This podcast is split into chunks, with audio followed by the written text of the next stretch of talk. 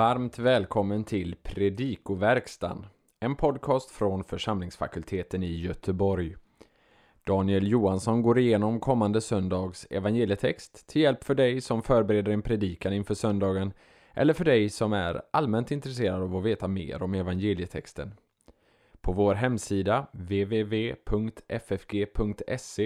kan du hitta information om hur du kan stödja fakultetens arbete för akademi och församling, bland annat som genom den här podcasten. Men nu en genomgång av kommande söndags evangelietext. Vi önskar dig god lyssning. Andra årgångens evangelium för fjärde söndagen efter trettonde dagen är Johannes 5, 1-9. Vi inleder med att notera några saker när det gäller översättningen av den grekiska texten. Probatike i vers 2 är ett adjektiv och betyder avseende får.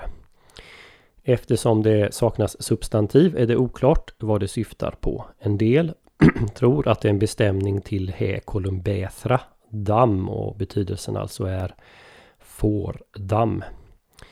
Genus överensstämmer så det är möjligt. Fram till och med medeltiden var detta den vanliga uppfattningen. Någon fårdamm nämns emellertid inte i judiska källor. Och eh, King James översättning ger ett andra alternativ, nämligen fårmarknaden. Mer sannolikt är att eh, probatike bestämmer ett underförstått hepyle, port. Nehemja 3.1 omnämner nämligen byggnaden av fårporten i den nordöstra delen av Jerusalems mur. Det som också stöder översättningen fårporten är en inre logik i resonemanget. Den mindre kända Betestadammen lokaliseras genom att Johannes nämner den allmänt kända fårporten. Eh, till Betesta finns också som framgår av notapparaten ett antal alternativ i handskrifterna, bland annat Betsaida. Men eftersom kopparrullen från Qumran omnämner en vattenreservoar med namnet Betesta i Jerusalem så tog det detta vara det ursprungliga och riktiga namnet på den här platsen som avses. Betesta betyder för övrigt troligtvis barmhärtighetens hus, vilket ju är passande med tanke på vilka som låg där.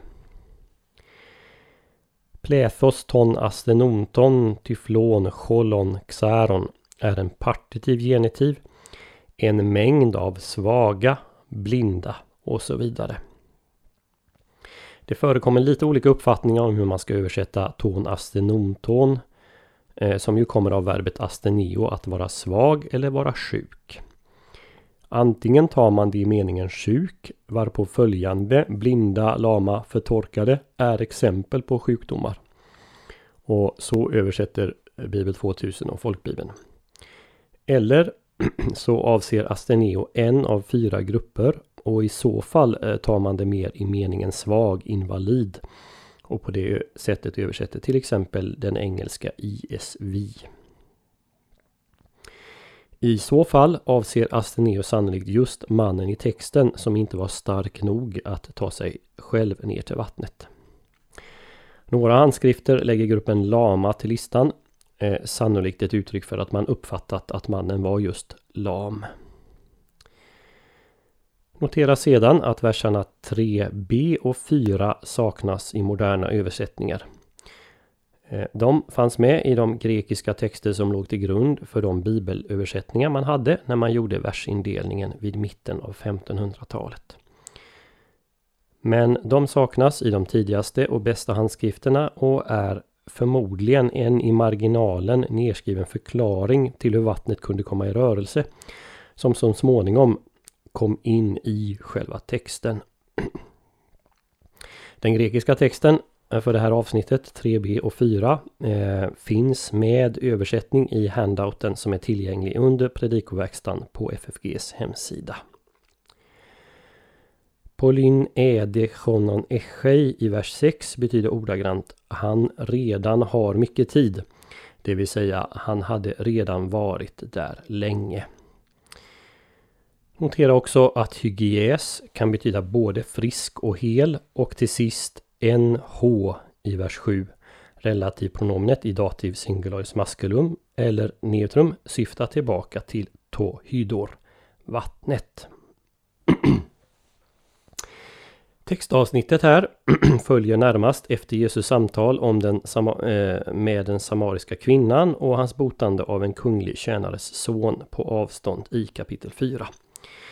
Här kan vi lägga märke till att vattentemat i Johannes evangeliet fortsatte. I kapitel 1 kan man se hur Jesus ersätter Johannes dop. I kapitel 2 hur Jesus ersätter de rituella reningarnas vatten i samband med bröllopet i kanan.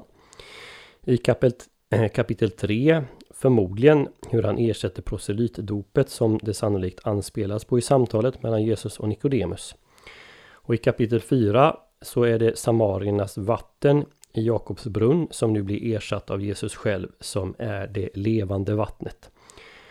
Och nu i kapitel 5 eh, så avses hur han ersätter det enligt den folkliga uppfattningen helande vattnet här vid Betesda. Eh, undret Jesus gör sker åter i anslutning till en högtid. Den här gången nämns dock inte vilken det är frågan om. Kanske det nämns att det är en högtid helt enkelt därför att det förklarar varför Jesus på nytt är uppe i Jerusalem. Det viktiga den här gången är att just det här undret sker på en sabbat. Och lite överraskande kanske för läsaren avslutar Johannes avsnittet med Men det var sabbat den dagen. Det är den omständigheten som leder till det samtal som sedan följer om vad som får göras på sabbaten och framförallt vem han är som botar på sabbaten och tillåter att man bär en säng. Textens struktur är enkel, kan dela in den i två delar. Den första, verserna 1 till 3a, den ger bakgrunden Eh, till det här helandet Jesus gör. Och verserna 5 till 9 beskriver själva helandet, botandet av mannen. Vi ska också lägga märke till att avsnittet har stora likheter med hur Jesus botade en blindfödde eh, i kapitel 9. Båda gångerna till exempel är det Jesus som tar initiativet. Det sker på en sabbat och det sker i en anslutning till en damm. Det finns fler paralleller. Eh, de här har jag listat i handouten till det här avsnittet. Eh, noterbart är också en koppling mellan fårporten, vid vilket detta sker, och Jesus själv som är fårporten i kapitel 10, verserna 7 9. Genom fårporten i Jerusalem fördes fåren som skulle offras eh, i templet in. Templet låg alldeles intill och innan de fördes dit så tvättades de sannolikt här i Betestadammen. Det är kanske inte för långsökt att se en liten anspelan på Jesus som Guds lamm som bär bort världens synd också i det här avsnittet. Betesta lokaliserades i samband med utgrävningar på 1800-talet i närheten av Sankt Annas eh, kloster. Om den här identifikationen är riktig så hade dammen en yta stor ungefär som en fotbollsplan och ett djup på 6 meter.